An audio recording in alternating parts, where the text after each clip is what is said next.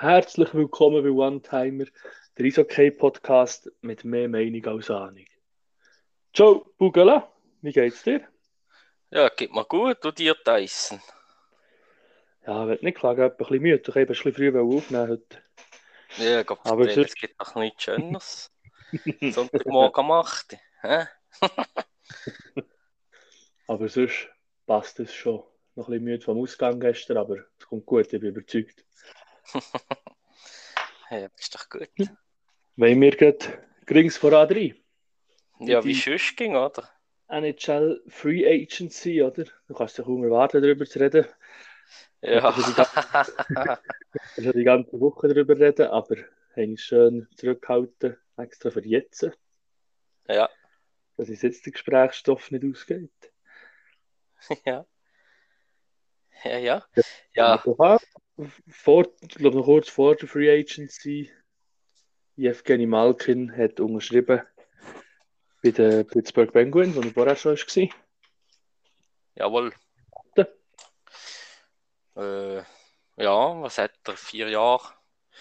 Vier Jahre, 24,4 Millionen und 6,1 Millionen pro Jahr. Ähm, ja, sicher gut und wichtig, für das Pittsburgh äh, so ein weiterbauen. Also sie haben, ähm, er hat ja vor der Free Agency hat er gesehen, dass Pittsburgh der GM, der Generalmanager, gesehen hat, dass sie eigentlich planen ohne ihn und dass er so wie ähm, nicht mehr auf dem Level siege, wo sie erwarten von ihm. Und darum hat er eigentlich äh, also wie ähm, mit Pittsburgh abgeschlossen, hat Free Agency abgewartet und dann hat er eben einen Tag vor der Free Agency hat er, ähm, den Vertrag bekommen von der Pittsburgh, ist selber eine gewesen. Oh ja, jetzt äh, 35-jährig, vier Jahre. Ja, jetzt kann er bis 39 bleiben. Und der Chris Letang ist in der Vorrunde unterschrieben. Der ist, glaube ich, 34. Für sechs Jahre. oh ja, anscheinend würde ich zusammen mit Pension dort bei Pittsburgh. Wie das so Klingt aussieht. gut. Ja, ja. Nein, wir haben noch eine Vertragsverlängerung. Josh Manson bei der äh, Colorado Avalanche.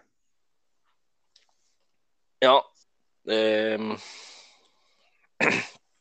Josh Manson, sicher ein wichtiger, wichtiger Spieler auch gewesen, dass sie den verlängern bei, äh, bei Colorado. Oh ja, vier Jahre, 18 Millionen, viereinhalb im Jahr. Das ist, das ist gut, weil er ist auch er ist auch wichtig gewesen, einer von den Stanley Cup Sieger, wo sie sicher wollen behalten. Ja. Sicher interessant. Colorado. Ob sie nächstes Jahr mehr so weitermachen. Und ja, das Double holen. Nein, Victor Olofsson hat auch verlängert bei den Buffalo Sabres. Ja. Und lustiger Fun Fact, das ist ja der Bruder vom äh, Jesper Olofsson. Warte jetzt. Mal. Jesper, Oh, oder? Jesper, ja. Und wenn wir nicht täuschen, geht er ja zu Bio, oder? Ja, das ist korrekt. Ja, das wäre der Bruder. Der hat vor zwei Jahren um mich unterschrieben bei den Sabres äh, für 9,5 Millionen. Äh, zwei Jahre. Oh ja, ich weiß nicht, aber bei den Sabres unterschreiben. das ist Ja. es wie, äh, also wie wenn du bei Gotthard unterschreibst. Gell? Das ist. Äh, das hat eigentlich keinen Stellenwert. Mensch, Meister wirst du nicht. Ah, nee, das kannst du vergessen. ja, Buffalo ist auch ein bisschen zu Gotthard in NHL, gell? Wobei Gott der euch in der Regular Season schon nochmal mitspielt, das ist erst in den Playoffs, wo sie es dann auch richtig verkacken. Ja, es ist einfach äh, nervig, gell? Aber der schönste angelegt ist, der Trainer, der am schönsten angelegt ist, die ganze Saison, das haben sie. Jetzt bringt er nichts, wenn du keinen Titel hast. Das ist für nichts. Vielleicht müsst ihr mal die Saison drauf probieren, mal mit Trainerhosen zu kommen, weißt du, so ein bisschen unpflegte Herz kommen. Vielleicht gewinnen sie noch etwas. Das Ja, wahrscheinlich. Ja, ja. So, wir bleiben bei NHL. Sonst Ja. tun wir wieder ein Mischmasch Ja. machen. Das nicht gut. Ja, das ist nicht, das ist nicht so gut angekommen, das letzte Mal nicht gehört. hey, aber ja noch. Ja, Saison. voilà. Ja, also Äh, was immer gewesen, Olofsson. Jack Campbell. Ja, Goalie. das ist auch noch interessant. Maple Leafs zu den Oilers. Die Oilers haben ja vor der Free Agency gesehen, sie, sie brauchen unbedingt einen Goalie an Joscha, oder? Von dass sie ähm, einmal ein bisschen eine Runde weiter in den Playoffs. Wobei, jetzt ist nicht schlecht gewesen, du hast zwei Jahre die Playoffs erreicht. Sie sind nach dran. Und eben, sie haben eigentlich dem Mike Smith weitergerechnet, oder? Aber ja, es ist ja auch so ein bisschen fraglich. Ob man einen Goalie weiterrechnet, der 39-jährig ist. ja. Und dann ist eben der gesagt, ja, nee, er hat mich Rücktritt, oder? Und dann war eben erstaunlich von Toronto, dass sie den Jack Campbell nicht mehr will, weil der hat eine riesen Saison gezeigt. Er hat eine Oh. Safe, Safe Percentage von, von 93% gehabt. Und Ja. der Mike Smith aber auch. Also echt von der, rein von der, von, von Fangquote her wären Ja. beide etwa gleich gut. Aber äh, rein Fangquote. Ja, der Jack Campbell ist halt natürlich massiv jünger gegangen. Mit dem können sie jetzt aufbauen. Klar, er muss sich auch mit dran gewöhnen, auch andere Verteidiger und anderes Spielsystem. Ist immerhin, äh, ja. Gut, er wechselt von Kanada zu Kanada, also von dem her. Hat er alles richtig gemacht in dem Fall. Ja, Spielstil bleibt gleich, ja, außer einfach Kanada, gell. Aber ja, Du kleiner Kanada-Hater, du. Ja. Ja. Dann haben wir Giroux, Florida Oh. Panthers zu den Ottawa Senators. Jetzt kommt da mal ein bisschen Pfeffer drin. ja. Ja, er verlässt, er verlässt ein bisschen äh, die Baumenregion und geht äh, zu den Senatoren auf Ottawa, ja. Ähm, interessanter Wechsel. Er hat zwar äh, ja, drei Jahre unterschrieben, 19 Millionen, aber äh, für Ottawa ein riesen Gewinn. Weil die, äh, die Spielroutine, die er hat, oder das Auge vom Mitspieler, er kommt ein bisschen an Patrice Bergeron her, vom Spielstil her.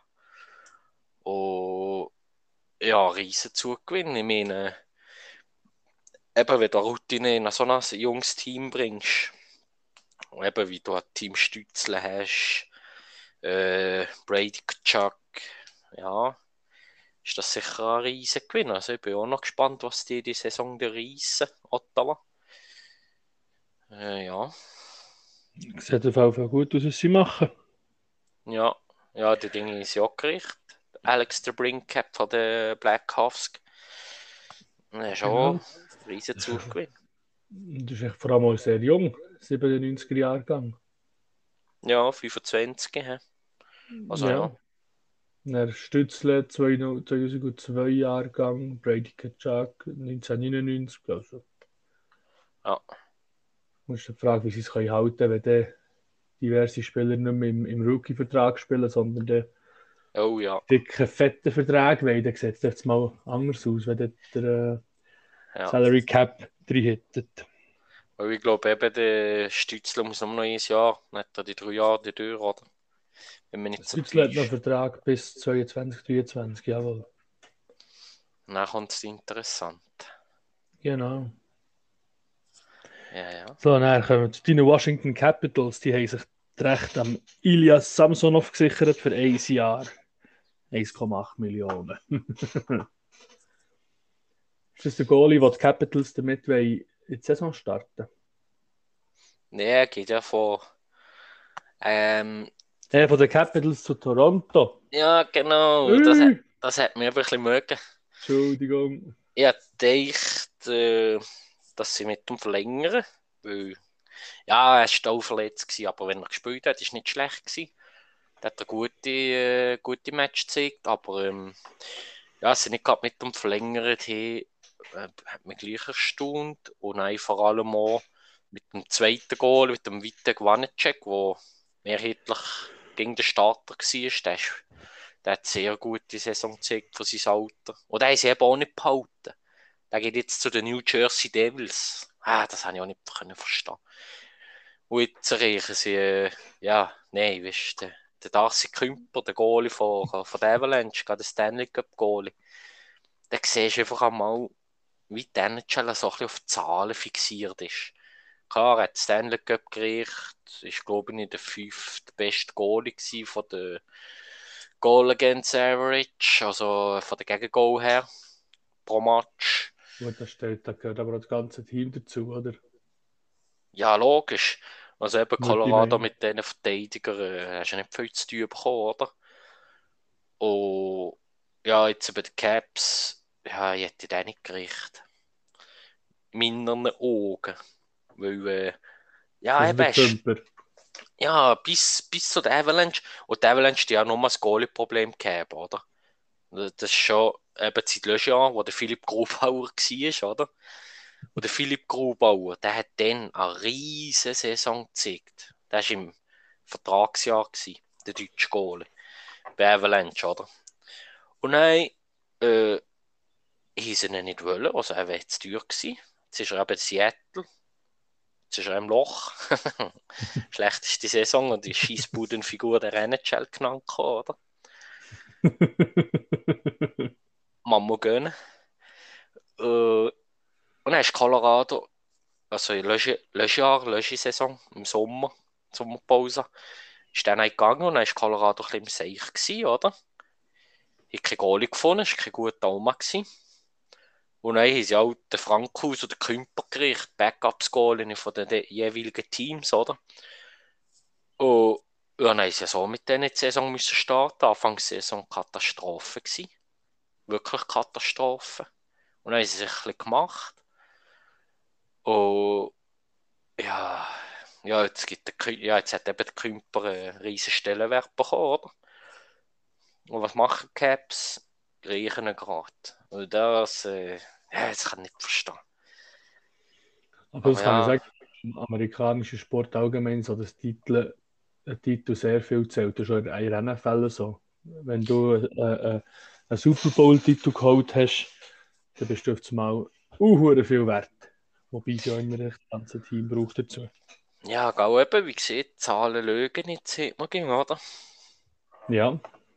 Aber man muss auch nicht das Ganze drumherum sehen, oder? Also ja. Weiß ja nicht. Ja, gut, nicht mehr gespannt, was Caps machen. Wie die Saison der Luft. Haben wir noch der Robert Thomas bleibt bei den St. Louis Blues. Bei deinen St. Louis Blues. Ja, es war wichtig, dass sie den hier verlängern können. Äh, rechter Vertrag, 8 Jahre, 65 Millionen. 8,125 im Jahr. Millionen. Und ja, interessanter Spieler. Ist eigentlich bei den Blues äh, von daher aufgenommen vor zwei Jahren er hat gerade recht eingeschlagen. Ist auch recht jung.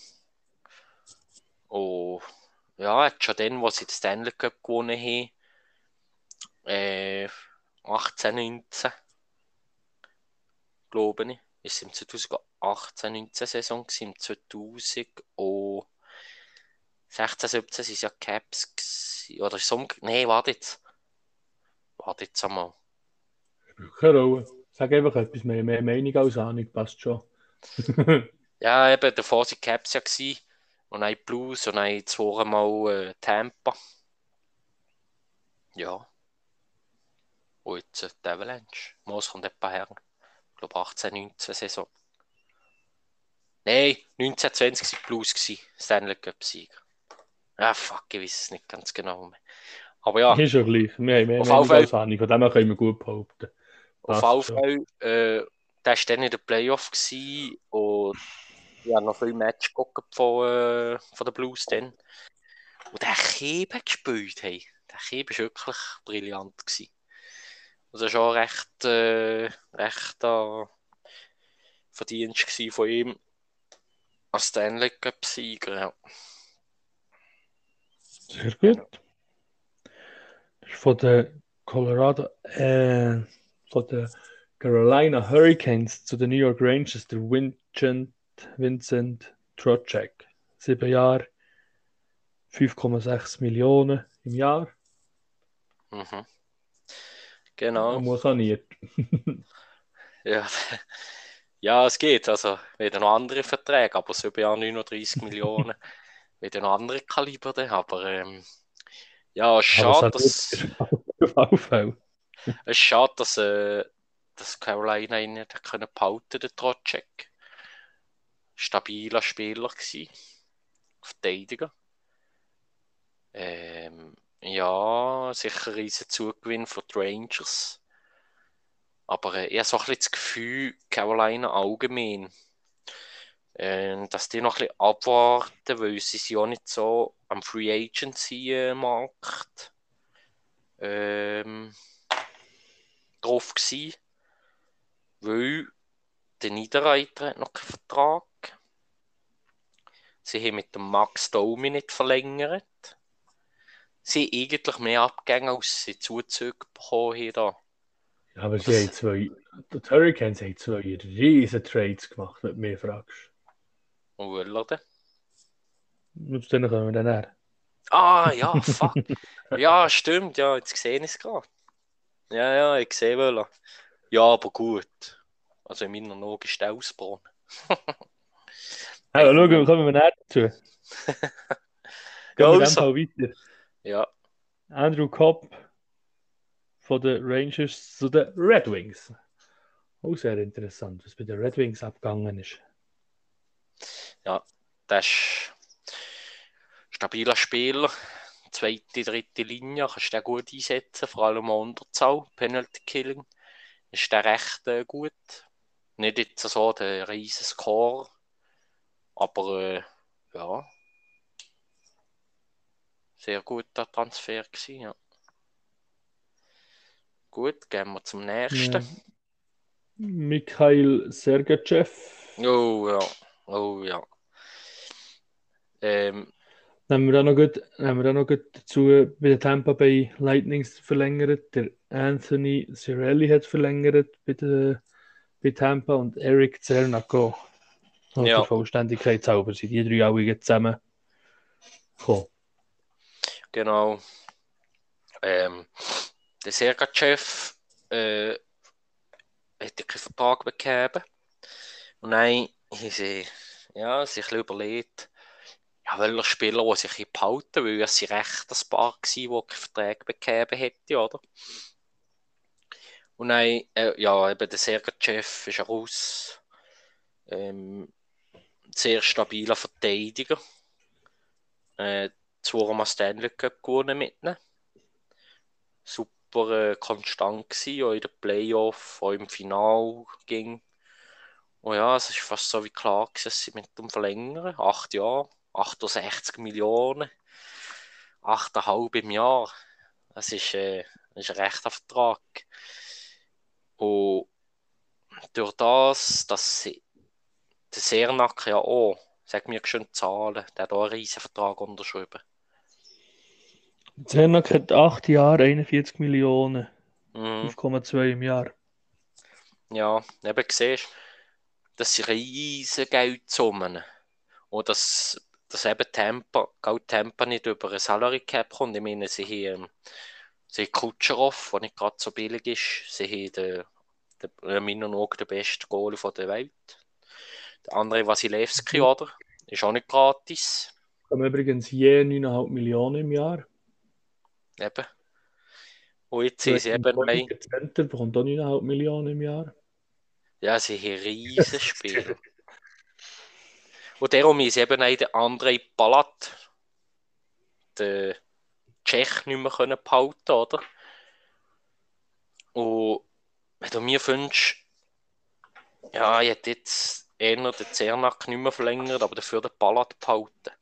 Weil der eben schon regelmäßiger Score. Durchschnitt. Und ja, der wechselt jetzt von Tampa Bay zu den New Jersey Devils, Teamkollege von Nico Hischi und Jonas Siegenthaler. Der hat dort vor fünf Jahren unterschrieben 30 Millionen. Also der Red Wing, äh, New Jersey Devils wäre da interessant sein, nächstes Jahr zum, also nächste Saison zum Zuschauen. Ja, das wäre so ja. das Thema Tampa Bay gewesen. He? Dann ist gekommen, wir tun das übrigens schön, ziemlich genau in der Zeitfolge nach.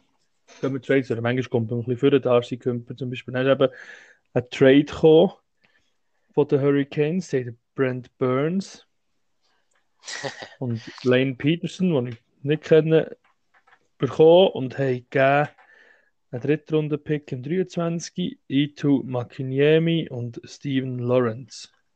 Ja. Ähm, der Lorenz, recht junger Spieler, hat mir sehr gefallen, die Saison da. Die lösche ich auch schon, hat er auch schon gespielt. Sehr junger Verteidiger. Ist er Verteidiger? Ja. Oder? Lorenz. Mm -hmm. Habe ich gemeint. Jetzt fangen wir bei Brad Burns, ich sage das nicht. ja, der Brent Burns. Was von dem halt ist. Ja, also, er hat gleich schon das Alter. Seine, beste, seine besten Jahre sind in der Tür. Er ist gleich genug gut. Aber, ähm, ja, ich finde, er ist jetzt auch so ein bisschen im Geld noch. Weil, ja, bei den Sharks hat er einen Vertrag mehr bekommen. Oh, Carolina, ja. Haben noch nicht so zugeschlagen im Transfermarkt, oder? Und es kann schon sein, dass sie jetzt so ein bisschen wie eine Routine gesucht haben für ihre Verteidigung, oder? Weil der Trollcheck ist gegangen. Aber äh, ja, nicht mit dem Wunder, ob der Burns einschlägt.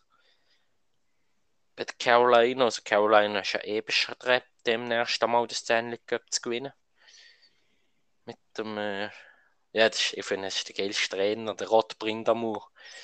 Ja, dem, ja, von dem noch ein Match gesehen, Erinnerung da. der Lawrence ist Center, Left Wing. Ja, verdammt. Ja, gut, ich kann nicht alles wissen. Ja, das ist klar. Wohl, eigentlich schon. Nein. ja, Nein, also. Wenn wir bei den, bei den Hurricanes bleiben, haben sie äh, einen weiteren Trade gehabt. Max Pacioretty und Dylan Coughlin ist gekommen von den, von den, von den Las Vegas Golden Knights. Ja, Max Pacioretty, interessanter Spieler, recht gute Saison gezeigt. Ähm, schade hat es nicht gelangt für die Playoffs. Es ist auch Kritik gekommen, Vegas. Äh, nicht so schade. Ja, ja. Ja, ist gleich einmal interessant zu sehen. Jetzt ist ja die Zeit, wo sie das Team erstellt haben. Sie sind ja, ja alle Jahre in die Playoff gekommen, sogar in ähnliche Final. Also das kannst du jetzt, ähm, ja, ich vergleiche wie mit Seattle, oder? sie weiten. ja, gut, das ist der Unterschied schon krass, ja. Aber ja. Im VV ein, ein Riesenteam, aber was denkst du, was heisst das für einen, für einen Niederreiter? Ja, ich habe so ein bisschen das Gefühl, sie nicht mit dem verlängern, weil sie noch ein bisschen warten, was noch so ein bisschen geht im Transfermarkt, weißt Also so ein bisschen aus, ähm, äh, so wie ein kleiner warm halten, weißt du, Niederreiter. Falls ja. die anderen Spieler nicht bekommen, dann unterschreiben sie einfach mit dem. Und wenn sie sehen, dass etwas besser so ist, ja, dann denke ich nicht, dass sie verlängern mit dem Niederreiter. Ich habe jetzt einmal so das Gefühl, weil, wenn sie so interessiert wäre am Niederreiter, dann wäre der Vertrag, dann wäre das eigentlich fast der erste Vertrag, den sie verlängert hätte. Wäre gleich nicht eine schlechte Saison gezeigt. Nein, eigentlich nicht.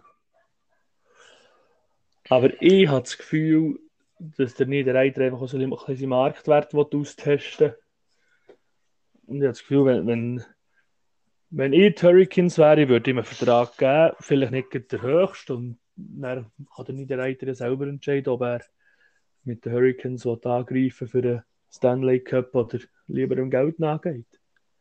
Ja. Ja, das nimmt mir das schon Wunder. Aber ja. Gut, müssen wir dazu sagen, Stand jetzt ist nichts draussen, dass er einen Vertrag hat bekommen. Nein. Und die morgen am 9. Kann natürlich morgen schon wieder anders aussehen. Ja. Ja, es sind gleich noch rechte Brecher auf dem Transfermarkt, die noch nicht gegangen sind. Gut, es hat mich erstaunt, dass die noch nicht. Weil, Gott der erste, der erste Tag, wo der Transfermarkt aufgetan hat, da, das war als wie eine Auktion zu Amerika. Da, da, ja. das, da sind Geldnötchen geflogen. Da. Gott, Deli, da. Vollgas. Da. Da, sind, da sind Millionenbeträge rausgehen und man so denkt, da, das ist, ein, das ist äh, wie im Kino da. Lied. Ja, Nein, noch, das Gute war noch das Beste an, an der Free Agency hat mich gedacht, die Jaromir Jager noch etwas gesaubert hat. Er wäre ja so noch, ja so noch Free Agent, hat seine Daten nochmal durchgegeben. Jähriger Sieger langsam, aber stark. Jaromir. Bringt Experience und er würde sonst gerne auch nur ein Heimspiel spielen. das ist ein geiler Hund. Und ich finde... Halt noch etwas gesaubert. ja, ich finde, er darf das. Er darf ja, das äh, umstellen. Absolut. Aber du musst gucken. Der wird noch, also das würde mich nicht erstaunen, wenn eine Mannschaft geht holen. das würde mich wirklich nicht erstaunen. Das ist ein geiler Hund, Das Bewerbungsformular via Social Media rausgegeben heute. Köstlich. Nächstes haben wir gehabt, weiter Free Agency, der André Burakowski von der Colorado Avalanche hat sich jetzt Hockey, in, in, Ho in Hockey-Unwichtigkeit aus Seattle. Ja, riesen Misstritt. Ein ah, riesen Misstritt von ihm. Ah, das ich können begreifen. Gut, dazu muss man sagen, die Avalanche haben keinen Vertrag mehr angeboten. Gell? Also sie ja, ja. Es ja, ist schon so gekommen. Sie haben kein Geld mehr, also wegen Cap. Sie haben nicht mal können verlängern Aber äh, Kopfdele, das geht sehr Beste unterschreibt. Ich meine, Seattle, nein, als Kopfdele. Gut, irgendjemand muss jetzt hergehen spielen, gell? Ja, aber dann schieße ich lieber in die Hose. Ja, mal ehrlich. Gut, sind wir ehrlich, würde ich dir einen Vertrag anbieten, würdest du noch annehmen? So Nein. Nein. Ein bisschen eher habe ich das schon noch. Gut, verlassen wir das sinkende Schiff schnell wieder und gehen zu den Detroit Red Wings. Die waren ja. auch ziemlich aktiv. Gewesen. Die sind recht. Dominik ja. Kubalik, der für zwei Jahre unterschreibt, Ben Giarrat, der für vier Jahre unterschreibt und der David Perron, der für zwei Jahre unterschreibt. Ja, schade Riesenspieler, der David Perron von den Blues. Ähm, er hat eigentlich bei den Blues seine Karriere so ein bisschen zur Rolle gebracht. Und er ist schon weg zu Pittsburgh. Bei Pittsburgh ist er dann auch mit zu den Blues zurück. Und dort hat er die Saison recht aufgedreht. Natürlich Vertragsjahr, oder? Äh, ja, schade, die Blues ihn nicht können behalten, aber dafür eben der Robert Thomas, oder? ist fast in meinen Augen wichtiger, weil der Perron hat gleich schon ein bisschen Alter, also 30 gewesen. Jahrgang oh. 88. Ja. Also 34. Ja. Also klar, für die Red Wings sicher gut. Wobei, ich verstehe sie doch ein bisschen, sie sind ein bisschen im Umbruch, wie sie sieht. Gut, eine Routine schadet schon nicht, oder?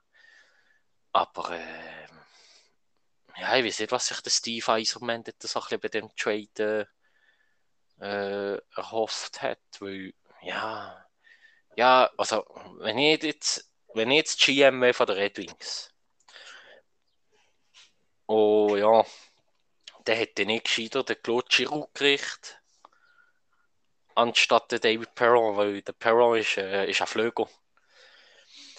Und auf der Flügelposition sind die Red Wings recht gut besetzt. Also der Sutter Büsser muss sich jetzt schon ein bisschen äh, Jahre klempen, dass er um mich. Ja. Das ist aber auch Center. Ja. Einmal gelistet ist er auf Center. Aufgelistet schon, aber er hat noch viel auf der Flügelposition gespielt. Und, und dann äh, ist Flügel natürlich auf dem Kuba liegt. Ich meine, noch nicht schlechter Brecher, wenn er jetzt Rolle kommt. Ja, sicher, ja. Aber ja, ich hätte jetzt, ich hätte jetzt eher an Center gerichtet. Von das junge Team. Finde ich. Ja. Ja, aber auch immer interessant, durch mich. Ja, eben auf der Goalie-Position ist ja toll gegangen bei ihnen. Bei den Red Wings. Ja, eben. Gell, der Mo Seider hat noch, glaube ich, das Jahr. Der Lucas Raymond hat auch noch ein Jahr im Einsteigervertrag. Und nein, geht es um das Geld.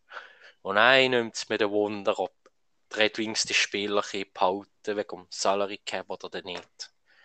Das wird interessant da mit dem Andrew Cobb, was sie noch neu haben. Ja. Und Moritz Seider, Rookie of the Year gewesen. Äh, ja, riesen geile so. Ich verstehe das nicht. Ich bin sonst nicht so Fan von den Deutschen, aber der finde ich einfach geil. Ja, dass ich, er hätte einfach alles, was sich bewegt. Er hat jetzt ja. keinen Respekt und nichts. Vollgas. Gerings voran. Ja. Aber Richtig ja. Nicht. Ja, eben. Ja, dass, du, dass du mit deinem Flair für das Russenhockey das nicht so cool findest, das verstehe ich natürlich. ja. Weil ich glaube, der Ovia markiert die Saison, das vergessen ich nicht. Uh, sehr schön, sehr schön. Das vergessen oh. ich nicht, das tut genau weh. Kommen wir zum, ja. zum Free Agent, auch ein Free Agent vom Jahr. Vom Jahr. Ja. Würde ich bald sagen. Johnny Hockey, Johnny Goodrow. Der ist scheiß Kanadier. Johnny Goodrow ist ein Amerikaner, du Bias. Nein. Mal sicher. Sicher ich nicht. Ich sehe es ja hier gerade, die ist ja offen. Was, Johnny Goodrow ist Amerikaner? Ja, Place of Birth, Salem, New Jersey, USA. Nation, USA. Gott, Deli, all die Jahre gemeint, das sind scheiß Kanadier. Ja, dem war es ein guter Knöbel. Ja, sympathisch. Schafsäckel. du bist schon der letzte Schafsäckel, manchmal. Ja, ja. Ja, der ist also, sympathisch, geil an sich. Ich muss sagen, da wird Johnny Hockey zu den Columbus Blue Jackets. hey, das ist. Sieben Jahre. Bis jetzt ist das der grösste Vertrag, der über die Bühne gegangen ist. Weil, äh, klar, es waren ein Barbrecher, dann, 68 Millionen, oder? Aber mit ihm ist ja noch ein Schipper draufgelegt, 68,2 Millionen. Und die anderen sind alle bei 68 Millionen. Ja, 68, 65, ja. Und das vor allem vor sieben Jahren, gell? Die anderen alle acht Jahre. Äh, 65, 68 Millionen, oder? Er hat einfach sieben Jahre. 9,7 im Jahr Millionen. Stell dir das vor. Gell? Ja. Wo Summe? Oh, ja, seine Aussage. Ja, yes, nein. Also die hätte ja wirklich vom nach Kanada können kommen. Seine so, jetzt Aussage... auf Kanadier zu. Seine Aussage war vor dem Free Agency Markt, war, ähm, er hat jetzt seine ja, fast ganze Hockey-Karriere in Kanada bei den Flames gewidmet und hat gemerkt, ja, dass er noch einmal in seiner Karriere, er ist 28-jährig, also hat schon noch Zeit, am den Stanley Cup gewinnen. Und, und da geht er zu den Blue Jackets. Hä? Ja! Was? Da geht er zu Columbus Blue Jackets. Komm, da kannst du doch mir nicht sagen, dass er einfach das erste beste Angebot, das am meisten, am meisten Geld einbringt, angenommen hat. Sorry, aber das Stanley Cup, was gewinnen musst, ja nicht zu den Columbus Blue Jackets. aber ich meinte, ich meinte, es kann fast nicht sein wegen Geld, weil in den USA der, Steuer, der Steuersatz ja viel höher ist als in Kanada. Ja, stimmt auch, ja. Ja, eben. Ich weiß es nicht, wieso, was, was nicht zu den Blue Jackets hergezogen hat. Ich, ich, mal, ja. Die Aussage von ihm war, am Interview, das er gegeben hat, wo er zu, äh, Columbus unterschrieben hat, hat er gesehen, ähm, wenn er mit den Flames gegen die Blue Jackets in der Nationwide Arena, also das ist die Arena von den Blue Jackets, auswärts gespielt hat, ist er jedes Mal klopft vom Kanonenschuss. ja, da gibt es da ein gutes Video, das kann ich das ist noch auf unserem Instagram-Kanal, One-Timer-Podcast. Kann ich das noch in die Story tun im Fall. Also. Weil, Wenn ich es noch finde. Die Huren Blue Jackets laufen am auch schon nach Kanonenschuss, so eine alte, alte Kanone vom Mittelalter gehen, vor dem Match. Gell? Und das bollet Huren. Und er sieht, er hätte einfach die wollen hören, wenn er einlaufen für das Team. Also er hat eigentlich das Team mit ja. um Kanonenschuss. ja, das denke ich jetzt schon nicht. Aber, hey, äh, aber... Johnny Gaudreau, says, äh, Johnny Gaudreau hat, hat gesagt, hey, jetzt sag es nochmal, äh, dass er wahrscheinlich sollte in der Arena hocken und, und für 10 Minuten nur Kanonenschuss und Kanonenschuss hören, damit er nicht wird verklüppen, wenn er das erste Mal mit Blue Jackets aufläuft. ja, ist eine Lüge. Das ist eine Lüge. Ja, aber gut, eine Riesensaison. 115 Punkte. Riesensaison. Ja, man darf sich in Columbus sicher auf Action freuen. Ja, ja, der würde reissen.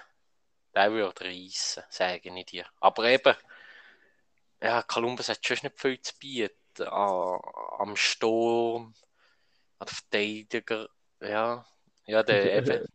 Ein spektakulärer Goalie mit dem Elvis, der ja, gerne noch mal, noch eine Show bietet von dem her. bin gespannt auf die Saison von der Blue Jackets. Eben mit dem Patrick Line ist sie noch nicht verlängert, gell? Ist da noch Free Agent? Er ist noch Free Agent. Also er ist nicht auf dem Markt. Uh.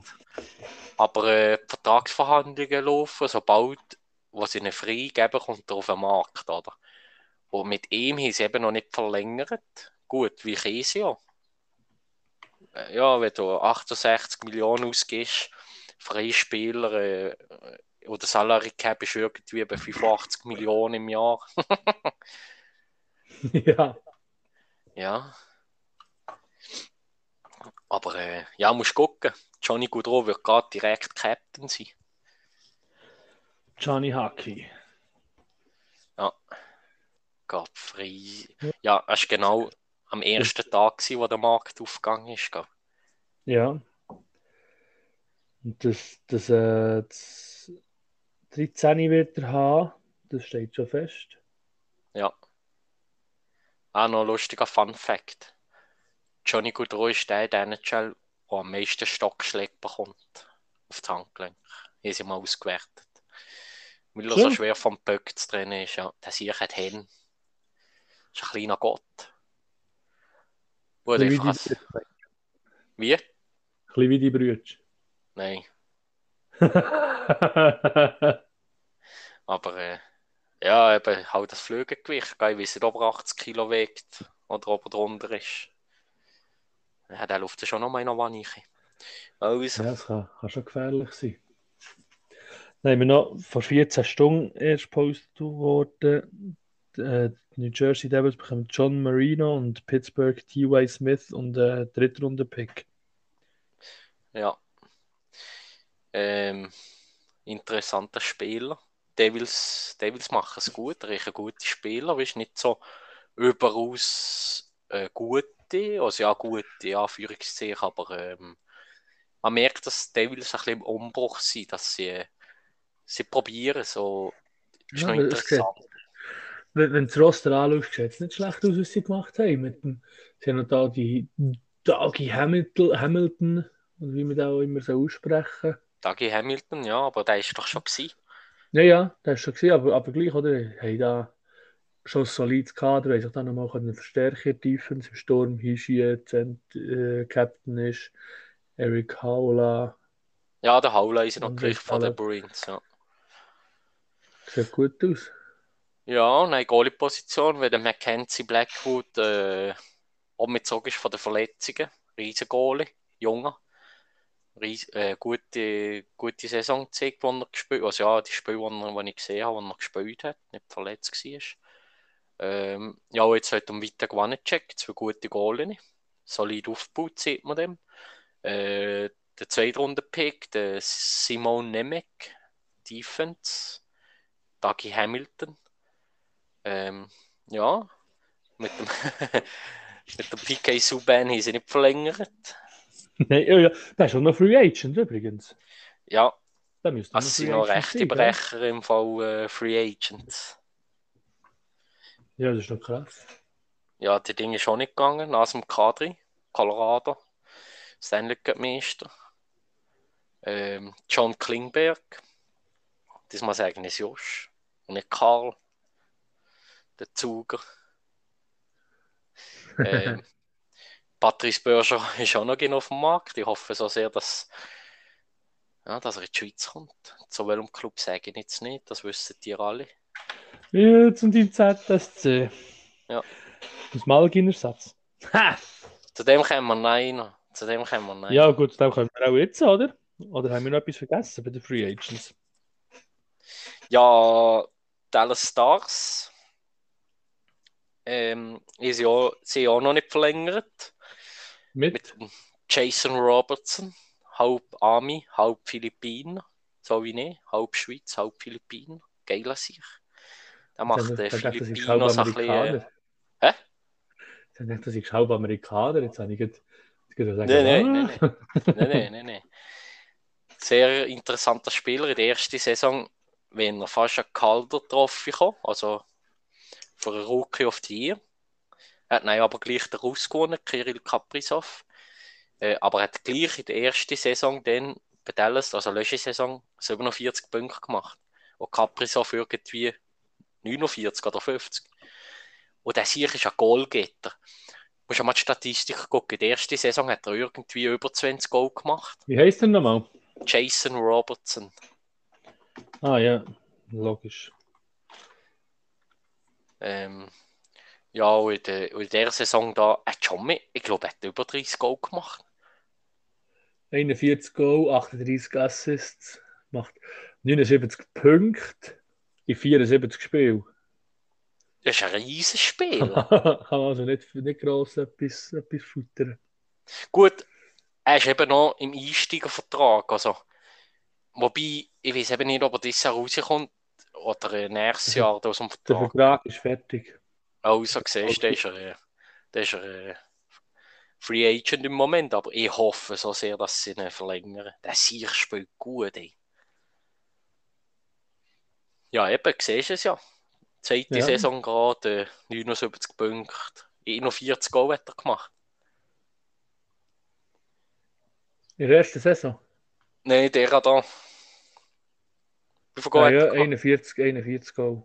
Ja, hey, das ist auch so. Das ist recht stark, wenn du mich fragst. Aber er hat das erste Jahr nur drei Spiele in der NHL gemacht. Und sonst bei den Texas Stars in AHL gespielt. Und dann letztes Jahr den Durchbruch gehabt. Er hat 51 Spiele gemacht in NHL. Ja. Und 17 Goal, 28 Assists, Genau, 45 Punkte. genau, ja.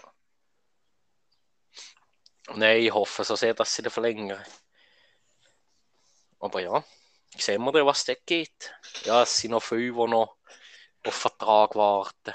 Also es hätte dann schon noch ein bisschen Häscher in der NHL. Ja. Ja, ist gut, dann haben wir Gesprächsstoff für nächste Woche. Ja. Hoffentlich. Ja, ja. Ja, schon schreiben nicht ein bisschen in den GMs. Steve Eiserman sagen nicht, dass er, äh, dass er Sutterbüsse in die vierte Linie soll tun.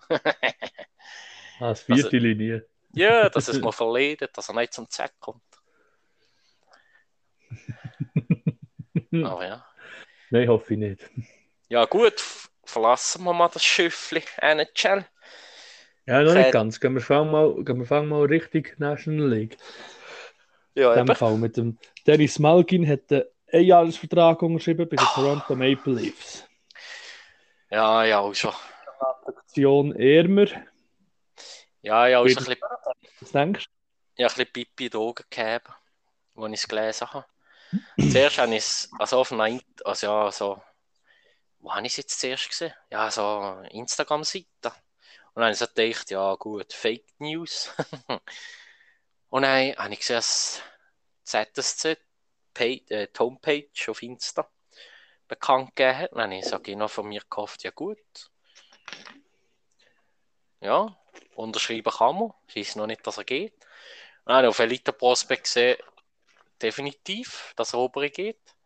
Aber ähm, ich denke, ich habe das Gefühl, oder jetzt geht es ja Trainingscamp am Start, oder? Von jeder Mannschaft. Oder die, die den Sprung nicht in die NHL schaffen oder nicht, oder? Ja. Und ich habe so das Gefühl, eben der Malgin geht jetzt ins Trainingscamp, kann probieren. Und ich habe das Gefühl, wenn er nicht lenkt, dann wird er mit zurückkommen. Aber dass Toronto gleich noch Recht behalten ist, dass sie nicht jede Zeit holen Ja. Oder? Auf das hoffe also, ich noch ein bisschen, aber ich habe schon ein bisschen das Gefühl, dass er, äh, ja, ich denke schon, dass er den, Platz wird bekommen bei den Maple Leafs. Sie möchten ums gönnen. Sehr guter Spieler, also was er da der WM gezeigt hat, da, also ja, das musst du zuerst mal machen. Ich, ich, habe das Gefühl, er wird sich intern im Team müssen können durchsetzen, dass er die erste, in den ersten zwei Linien zum Einsatz kommt. Wenn er das nicht schafft, dann wird er, das ist meine Meinung, dann wird er gar nicht, dann wird er es gar nicht schaffen, weil der Malgin ist kein, kein Dritt- und kein Viertlinienspieler. Nein. Ausser, ausser sie spielen ein anderes System, aber sonst wird ja in der Regel, wenn man in der NHL wird die dritte Linie gegen die stärkste Linie vom Gegner gespielt. Sprich, auch viel mit Verteidigungsarbeit beschäftigt. Und da sehe ich der Malgin, beim Malgin schon nicht so dass das seine Kernkompetenz wäre.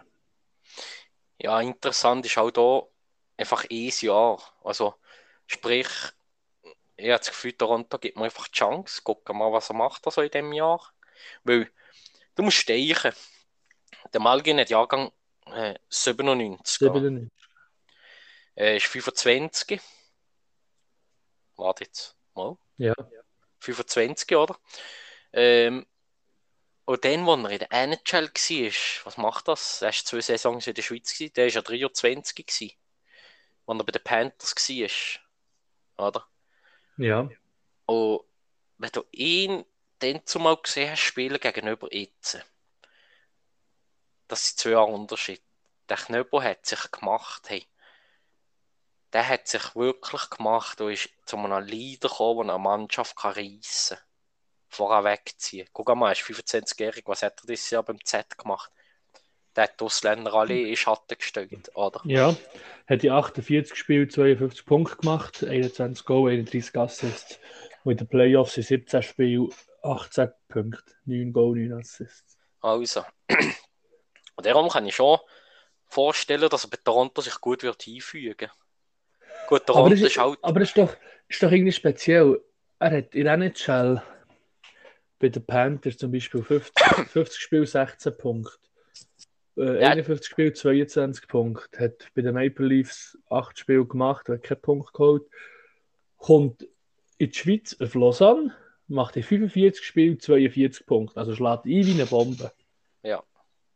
Ich weiß nicht, ob vielleicht ist das kleine Eisfeld das Problem, weil es mehr ein schneller Spieler ist und auf dem kleinen Eisfeld muss halt schon schauen, dort ist der Körperkontakt halt eher mal geben vielleicht. Ja, was ist jetzt? 75, 80 Kilo. Also, ja. Äh, ja. Also, bei Toronto ist schon gerade, ja, ist schon gerade eine tolle Mannschaft, oder? Die, ich meine, die Leistungsdruck. Jedes Jahr erste Runde Playoff raus, Regular Season, riese, riese abgeschlossen, oder? Also, dort ist schon Druck dahinter. Ja, und sie haben auch Offensivspieler, Brecher wie Sau. John Tavares, William Nylander, Austin Matthews, Mitchell Marner.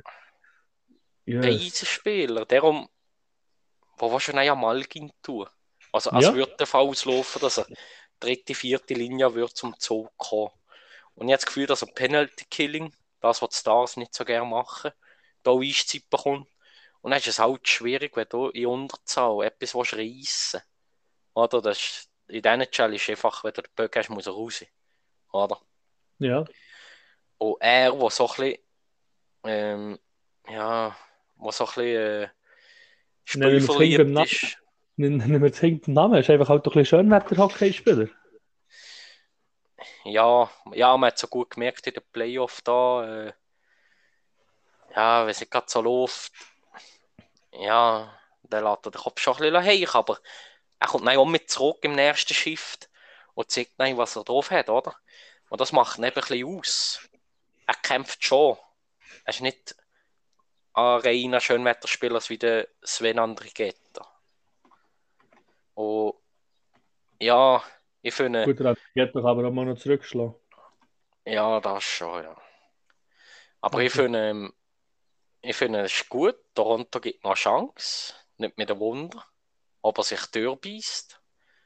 Oder ob er sieht, ja, wie schon, sie brechen es ab, kommen zurück in die Schweiz. Weil ich finde jetzt, er ist 25-jährig. Er kann sich jetzt dort ein bisschen etablisieren. Etablisieren. Oh shit, hure schweres Wort am Sonntagmorgen.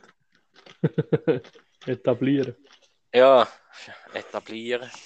Und ähm, äh, ja, Toronto gibt mir Chance und ich hoffe so sehr, dass er sie packt und sich wo einwerfen, dass er, äh, ich meine, Matthews kennt er ja auch ein bisschen. Matthews war auch beim Z. Gewesen.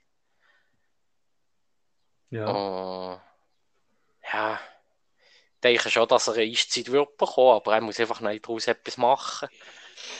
Und darum ist auch interessant, gell, was, ich, was der Z erfahren hat, dass der Malgin geht sie haben sich noch nicht, äh, sie haben noch nicht ersetzt, weißt Das ist noch interessant. Ja gut, da, da werden sie ja nicht mehr können ersetzen mit einem Schweizer Spieler, der annähernd gleichwertig ist. Das bringst du nicht her. Ja, ja, vorher gelesen. ist natürlich schon durch. Ja, ja, vorher gelesen, sechs Spieler sind sie, also sie äh, auf der Liste beim Z auf die Saison. Was ich noch will holen für die nächste Saison? Oder für die ja, Saison? für, für die Saison okay. da, für Malgin-Ersatz. Ja ist ähm, äh, im Gespräch Markus Granlund, Affin. Ist auch der Bruder von Michael Granlund, nehmen wir mal an, ist ein Daheil gsi. Bei Salavat Jolayev Ufa ist im Gespräch und dann sind noch fünf andere äh, recht No-Names dabei. Also, sie haben auch geschrieben, offiziell, dass sie den Malgin nicht werden können ersetzen. Nein, kannst du ja nicht. ist ja nicht möglich. Aber wie gesehen, der Patrice Bergeron ist genau Free Agent. Gell? Weißt du wie? Nein, stell dir das vor, hey, der würde alle reissen, der würde alles durchmachen.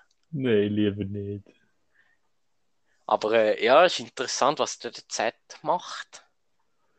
Ja, das wird demnächst einmal, äh, ja, ja es sicher ein Thema sein. Sie werden nur einen Ausländer können ersetzen und ich weiß nicht, wie viele Ausländerlizenzen haben sie schon. Ja, Lucas ja, Walmart, Garrett Rowe, Acevedo. Ja, es hat sich eben nicht viel verändert. Zwei Mikro, Mikro, Mikro Lechtonen sind vier und der Goalie sind fünf. Ja, ein Ausländer, ein Ausländer können sie noch können sie sicher noch holen, was sie können auf, aufstellen Also so wie der Z geschrieben hat, haben sie gesehen, sie wollen es mit fünf Ausländern probieren die Saison. Aber dürfen ja sechs. Aber dann werden, ja. sie, jetzt sicher, dann werden sie jetzt sicher noch einen holen, oder? Jetzt, wo der, der Ding ja. weg ist, der, der Malgin. Gau, wir wissen nicht, wie oder was im Vertrag von Malgin gestanden ist mit Toronto, oder? Ich habe das Gefühl, der Z schießt jetzt nicht drin.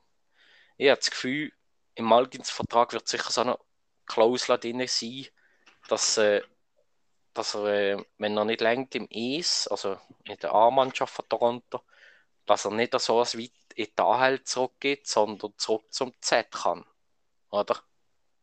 Jetzt ja. es wird ein Vertrag sein, darum macht der Z jetzt, also ja, ist der Z eher ruhig geblieben und hofft einfach, ja, ist ein bisschen fies, aber äh, ja, hofft einfach, dass er auch mit zurückkommt, oder? Darum lasse ich das Türchen offen.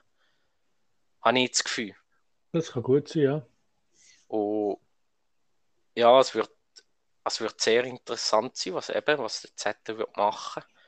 Aber äh, auch auf der Seite von äh, Malgin. Ich weiß eben nicht, ob er jetzt Trainingscamp muss oder ob er direkt im, im ES ist, oder? Aber äh, ja, es wird äh, interessant bleiben. Und darum, oder alle schreiben, ja, schade, Malgin weg, weg. Nein, er ist nicht weg. wir wissen nicht, was sie äh, im Vertrag unterschrieben haben, was steht. Oder? Und da die NHL jetzt äh, also ein bisschen mit Europa zusammenarbeitet, oder? Das weiß ich nicht länger in der, in der A-Mannschaft, dass sie zurückgehen zu den Club, oder? Dass das eine Möglichkeit ist. Und ja, ich hoffe es jetzt einmal, ja. Ja. Dann noch eine Frage an dich. Wer, würdest du sagen, ist der Gewinner von Free Agency? Ja. also, in meiner Augen ist es äh, Blue Jackets, ja, Columbus. Wegen dem einen Trade? Ja, also es ist ein riesen Trade. Also Trade. Aber, also Frage, ja, Vertrag, ja. Aber gell, sein Teamkollege von den Flames, der Matthew Kachuk, hat auch noch keinen Vertrag, gell? Und der hat 109 äh, Punkte gemacht die Saison. Gell, der ist dann auch noch. Äh, ah, ja, er, er, ist noch nicht freigegeben. Free Agency, oder? Ja. Also er wartet ab, was geht. Ob er den Vertrag wird bekommen oder nicht. Und wenn der Vertrag scheiße ist, was die Flames ihm anbieten, wird er auf den Transfermarkt kommen. Und nein, geht's dann los. Weißt du, oder? Du hast ja eigentlich du musst eigentlich als Spieler, wenn du keinen Vertrag mehr bekommst, äh, musst du eigentlich sagen, ob du eben im Free Agent Markt willst oder nicht. Oder ob du noch was abwarten auf das Team, was sie machen, oder? Und das sind viele Spieler so, eben wie noch Patrice Bergeron ist noch am Abwarten, Patrick Leine, äh, Matthew Kachuk, Jason Robertson, oder? Die warten alle ja. noch, was der Club macht. Und wenn der Club Aber... sieht, nein, dann können die Brecher, dann können die alle auf den freien Markt noch gehen. Ja, würdest du bis jetzt aber den Blue Jackets, der, äh, der Win for Free Agency, zusprechen? Ja, also rein nur von dem Trade schon, aber ich denke, um das Gesamte ist es schon ein bisschen Ottawa. Für mich ist Ottawa stark, die Red Wings. Ja, die Devils halt.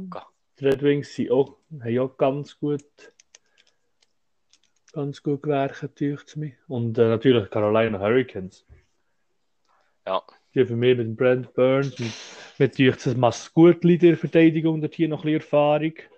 Und ja. Pacioretty im Sturm auch, weil es sind viele junge Spieler, Devils im, im, im Sturm. Eh, nicht Devils, Hurricanes. Durcheinander. Gut, sie den Max Domi verloren. Gut, das ist auch wenn so ein herber Verlust. Das ja. die, die sind Geld nahe.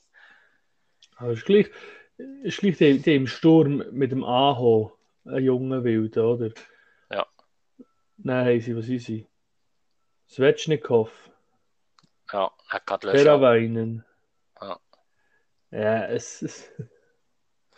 Ja. Ich habe das Gefühl, ich habe das Gefühl, die sind Contender nächstes Jahr. Darum, darum würde ich auch den Hurricanes Hurricanes und, äh, und Red Wings sind für mich so bis jetzt äh, so die Gewinner. Ja. So, wechseln wir jetzt noch. Kurz, kurz. Ja, ja, ist auch nicht viel gegangen in der Schweiz. Gell? Nein, viel ist nicht gegangen, aber der Rüffi, der Rüffenacht ist enttäuscht oh. vom SCB. und der SCB sagt, nein, wir wollen die nicht mehr. Ja, habe ich gelesen ich bin, ich bin gespannt. Ich hoffe, dass er irgendwo noch einen National League Vertrag bekommt, der, äh, der Rüffi. Weil, auch, auch wenn man ihn als Gegner hat, man ja Rego nicht sehr gern, aber, äh, aber äh, er ist sicher ein Mehrwert für die Liga, weil er halt einfach auch je nachdem sehr grossen Unterhaltungswert bietet.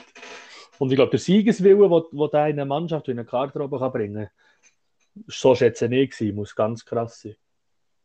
Aber Jetzt einmal, wie findest du das? Ähm, äh, ja, sag einmal äh, deine ehrliche Meinung zum SCB mit ihm. Wie findest du das? Wie, wie der SCB mit ihm umgeht? Ja.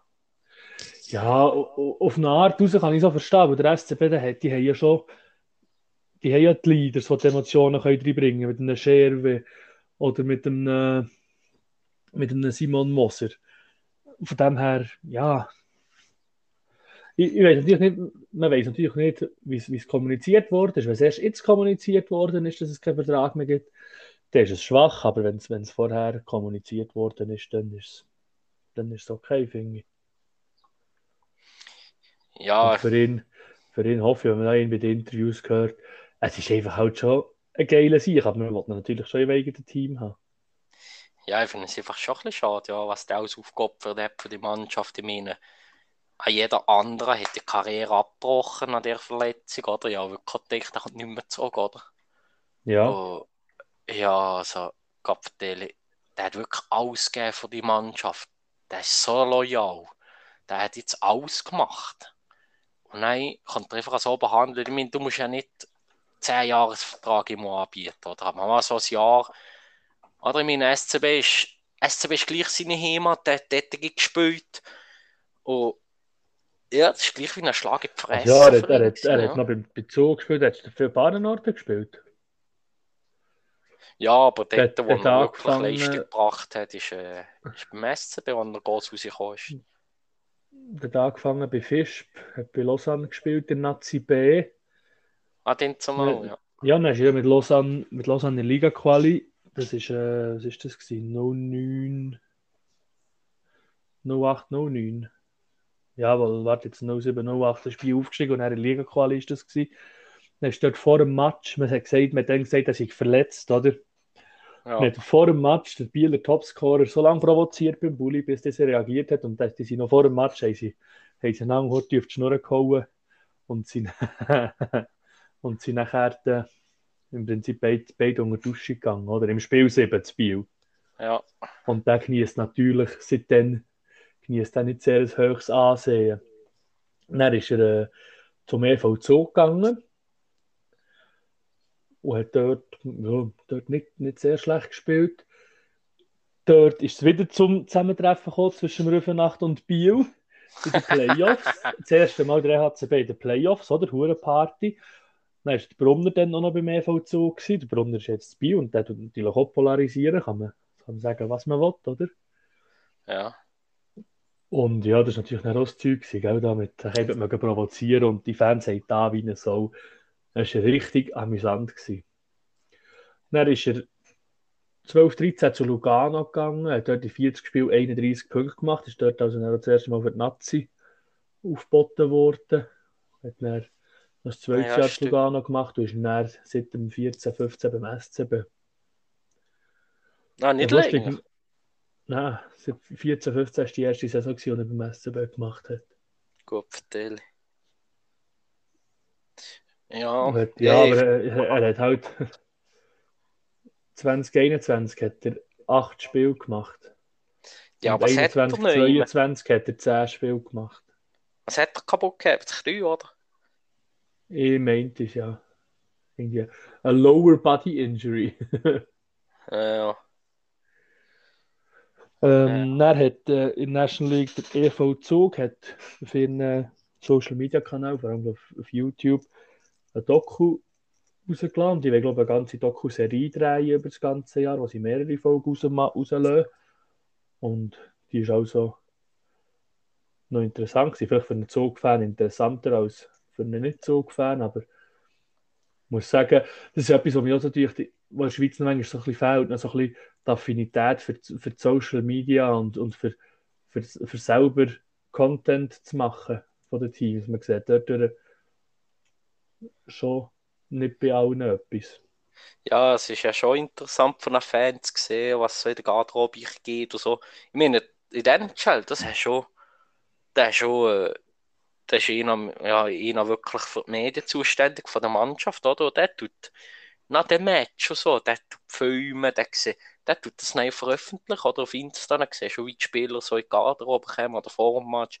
Das sind so Eindrücke, das wird doch ein Fan sehen, oder nicht? Ja, mir dürft schon, mir dürft schon nur die, zum Beispiel die DL-Teams von der deutschen Eishockey-Liga, die, die hier dürft mir, die sind auch schon fast ein bisschen besser aufgestellt für äh, Social Media Bereich angeht, aber, aber ja, schlussendlich muss man sagen, die Auslastung der Stadien in der Schweiz gibt ja im Schweizer Hockey eigentlich auch recht.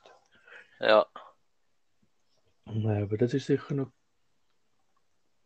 gewesen. Und er habe ich heute gelesen, ist gestern rausgekommen, Elias Bianchi hat seinen Rücktritt gegeben von Ambri, ist er jahrelang, glaube ich, immer ja. dort gewesen. Ja. eine gute Karriere GZ, ja. Ja. Mit 33. Äh, ich nicht so den, die Chino Rockets wollen und das ist nie nachher. Uh, bei Lugano gestartet. Schon? Ja. Was ist denn die? ein Spiel hat er bei Lugano gespielt. Ah, nicht da, wo noch 6. Aha. Aber es war immer bei, bei Ambri, gewesen, ja. Ja, das war treue Säule treue Säule gewesen, du. Noch bei den Ohio Junior Blue Jackets hat er 25 Spiele gemacht. Ah. Gut, gut. Genau, aber das Lugano gross Wort eigentlich. Aber ja, die In dem Fall schon gerne Tessiner gewesen. Ja, das schon, ja. Ja, äh, ist halt schon schwierig vom warmen Süden wo einzukommen. gell? Ja. Ich will morgen Definitiv. tun. Ja. Hm. Darum kann ich Das nicht ist schon nicht verstehen. immer toll, so heiß ist. Ja, darum kann ich nicht verstehen, dass Glutschiro weggeht von den Panthers schön auf Kanada, wo ich halt, ich halt Ecke da. Nein. Ja, aber schau, Kanada ist halt einfach grundsätzlich schon viel geiler, gell? Ja, nein, hast du noch etwas schon gesehen? Du hast noch etwas gesehen vom Schlafkowski, erzähl mal. Was ist da gegangen mit dem Velo? Oh, ja, der Schlagkowski. Der hat da so ein äh, Training gehabt, wo sie da seine Werte gemessen hat. Test, ja. Training, genau, Leistungstest. Der Sieg hätte die Pedale geschaltet, das hure Velo ist gerade am Ranzen gewesen nachher. Ich habe gelesen, so zu Sieg, der andere das hure Velo kaputt gemacht. ich habe gelesen, die Frau hat mich gefragt, wo, also, wo neben ihm äh, die Werte aufgenommen hat, hat auch gefragt, ja, ob er jetzt das Velo durchgemacht hätte. Dann hat er gesagt, ja, er reisse hier zu Montreal alles ab. ja, geil, Wo der GM hat noch gesehen, ähm, was sie nicht draftet haben, äh, sie kennen keinen Spieler, der so, ähm, wie sieht man, zurückhaltend, ich weiß, nicht arrogant ist, zurückhaltend und Team, äh, also ja, für das Team mehr Verständnis hat als für seine eigenen Ambitionen, oder? Also äh, sehr, sehr äh, bodenständiger Spieler. Ich glaube, Ja. das trifft das Wort. Wir kommen schon wieder hin und her. Ja, glaube, Wir sollten wir müssen National League bleiben, weil Zeit haben wir nämlich auch schon genug, die wir gelernt haben. Aber haben wir noch etwas für nächste Woche, ist auch nicht so schlimm. Schreib das auf. Wenn noch etwas hast von NHL, dann sind wir heute nicht mehr besprechen, das sind wir nächstes Mal. ja, eine Ja. Noch abgeschlossen. Ist noch, ist noch speziell ein neuer Goalie für, für mein EHCB. Oh ja, Ich weiß nicht, diverse Quellen haben es schon bestätigt, aber äh, bei Elite Prospects ist noch nicht getroffen und der EHCB selber hat es, glaube ich, auch noch nicht bestätigt. Der äh, Harry, Harry Setteri, der war auch finnischer Weltmeister-Goalie vom äh, anderen Goalie, den man hat sollen bekommen, der in der NHL abgewandert ist. Ich weiß den Namen nicht mehr, ich habe schon vergessen, ich habe ihn verdrängt. Haar, oder? Ja, genau, merci. Haar. Er ist jetzt übrigens neben den Red Wings, gell? Ja, eben, die Schafsäcke. Siehst du, die haben nur gewonnen. Ja, Kein Wunder. Aber er hat auch zwei Spiele gemacht, der Harry Setteri, für die Finnen an dieser Weltmeisterschaft. Die Gegengoal ist nicht von 1,44 1,44 Goal, das ist ein junger Goal. 10% Fangquote. Hat, äh, Olympia hat fünf Spiele gemacht und hat 6, äh, 96% Fangquote gehabt. Ja, 32, nein, jung ist anders. Ja, mal interessant gesehen. hat der KHL eigentlich immer gute Fangquoten gehabt, oder WM auch. Oder Ja, ich habe das. Gefühl, ich das Gefühl von der KL hat schon noch ein paar Spieler zurück, also in die Schweiz spielen. Ja, wo sie irgendwie gescheit haben, wo sie irgendwie, ich glaube, bei den Finnen und bei den Schweden, oder nur bei den Schweden, dürfen sie dann nicht in Nazi spielen, wenn sie in KHL spielen. Ja, ja, also das kommt da- schon noch interessant. Jokerit Helsinki hat sich ja aufgelöst. Ah, schon? Ja, die haben sich aufgelöst, die haben ja Playoffs gar nicht mehr gespielt. Fertig. Also wie die Mannschaft gibt es nicht mehr, oder? Mm, Nein, ich weiß nicht, ob die wieder in die, in, in die Liga können. Oder Ja. was?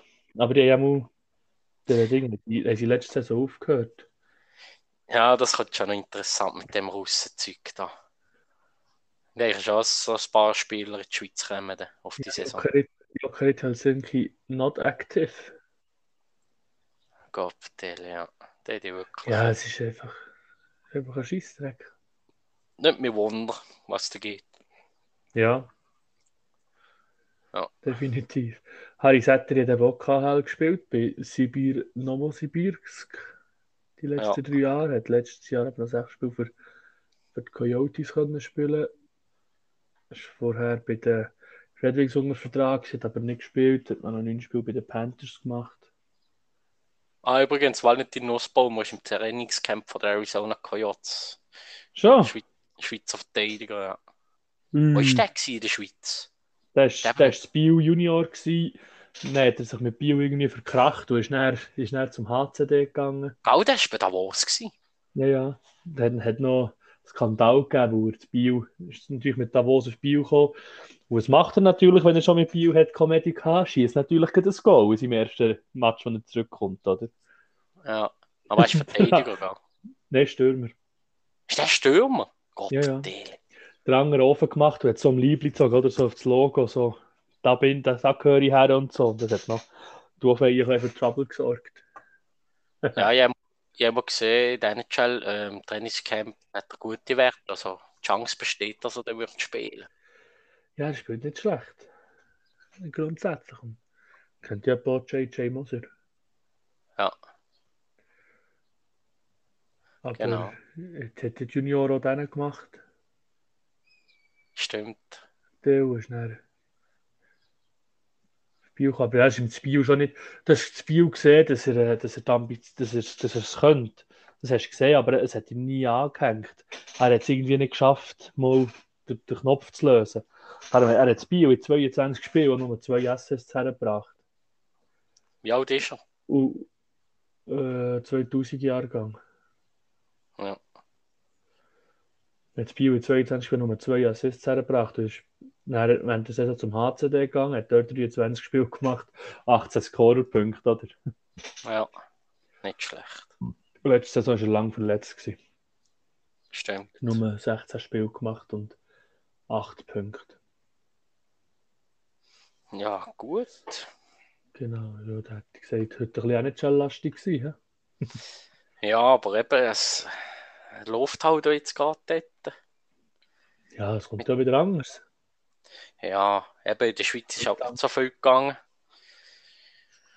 Ähm, ja, Nein, etwa nicht der Haufen. Ja, Hm, gut. Video, Video von Johnny Haki muss ich noch aufladen. hä? jawohl. Dass das unsere Kiwis hören. Genau, ihr Zuhörer, sind alle unsere Kiwis. Ich könnt gerne Kommentar schreiben, wieso wollen wir euch Kiwis nennen. muss, ich, muss ich noch eine Frage unter. Ich habe. Spotify eine Frage drin tun, habe ich übrigens gesehen. Soll der etwas drin tun? Warum Ja. Kiwis? Ja, wieso nicht? Richtiger Scheissdreck. Nee, also. Nein, das ist sonst transfertechnisch auch nicht gross etwas gegangen. Außer dass der Quenville einen neuen Job gefunden hat und Wenström einen neuen Job gefunden hat, aber das ist nicht so. Ist nicht so nennenswert. hä? Wenström zu den Augsburger Panthers und der Quenville zu Alexans. Ja, ja in der deutschen Liga würde ich nicht. Ja. Ja, das ist, ja, das ist Ist, wie, bei, ist, wie ist, Seattle. ist körperbetont. betont. Ja, ist wie Seattle, ist einfach verloren. Ja. Also, Ja, ist gut. ja. bis nächste Woche mal. Ja, unbedingt um einschalten. Und wir aufladen, wissen wir nicht, aber nächste Woche ist sicher eine neue Folge online. Bis nächste Woche. Jawohl. Und tschüss.